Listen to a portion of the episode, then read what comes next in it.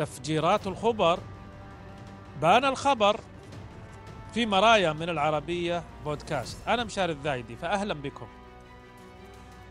أتذكر خبر تفجيرات آه، أبراج الخبر شرق السعودية الأبراج السكنية الشهيرة والله أتذكره كأنه اليوم.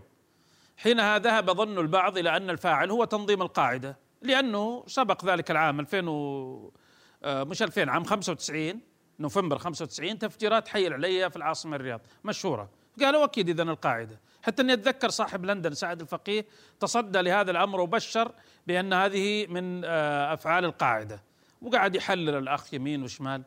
فقلة قالوا لا آه، ليس لأن القاعدة تتورع عن مثل هذه الجرائم بل لأن الأصابع كانت تشير وقتها إلى إيران وعصابات إيران.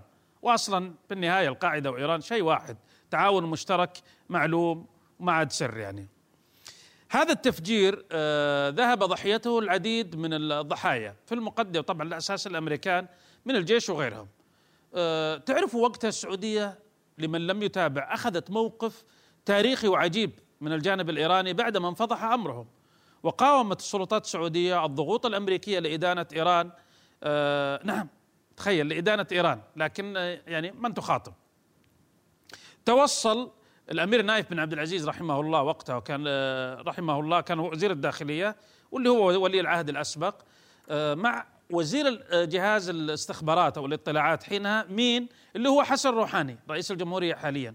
توصل إلى اتفاق سمي اتفاق أو عرف بتفاهم أو اتفاق نايف روحاني. يتضمن مجموعة من الشروط التي وافقت إيران على الالتزام بها لتحسين العلاقات. ونزع التوترات في المنطقة. كان من اهمها التوقف عن التدخل في الشؤون الداخلية العربية والسعودية. وأن تلتزم إيران بالتوقف عن دعم العمليات الإرهابية آه، مثل هذه الخبر.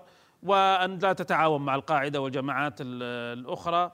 وأن آه، تتوقف عن تبني الإرهاب في العالم.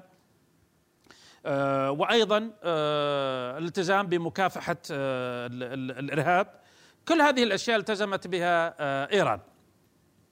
أو كان يفترض أن تلتزم بها إيران، لكن إيران الخمينية وبالمناسبة حتى كان من المواضيع اللي قيل تم التفاهم عليها موضوع تهريب المخدرات، إن إيران تعرفون دولة فاعلة، لكن إيران الخمينية اعتبرت الأمر مجرد هدنة للخداع والاستغفال وتمرير الضغوط الأمريكية وكملت مشوار الضلال إلى اليوم، واليوم يأتيهم بعض حصاد آه، أيديهم.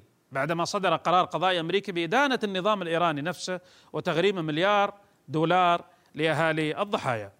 تفجيرات الخبر التي نفذتها أذرع, أذرع إيران وأشهرها في السعودية أتكلم الذراع المسمى بحزب الله الحجاز. ومهندس هذا الذراع الأساسي هو أحمد المغسل. يعني زي ما تقول هو عماد مغنية حق إرهابية السعودية الإيرانية وهو الآن في الحوزة السعودية. وأكيد أنه باح بكل خبائث إيران طيلة السنوات الماضية. هذه التفجيرات ليست سوى تعرفون في علم الطب لما يطلع أو في علم البيولوجيا لما يطلع لك شريحة كذا مقطع مقطع عرضي وشريحة شريحة خلية من الجسد الخميني المريض الموبوء بالكراهية واستباحة كل شيء. وفي مقدمتهم العرب حرمات العرب أرض العرب دول العرب وكل العالم. آه، ضرب السعودية بصواريخ إيران آه، الحوثية في مكة والشرقية والرياض وأبها وجيزان ولم يتورع آه، الإيراني.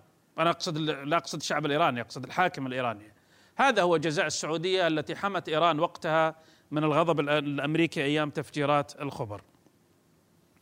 قال المتنبي إذا أنت أكرمت الكريم ملكته وإن أنت أكرمت اللئيم تمرد إلى اللقاء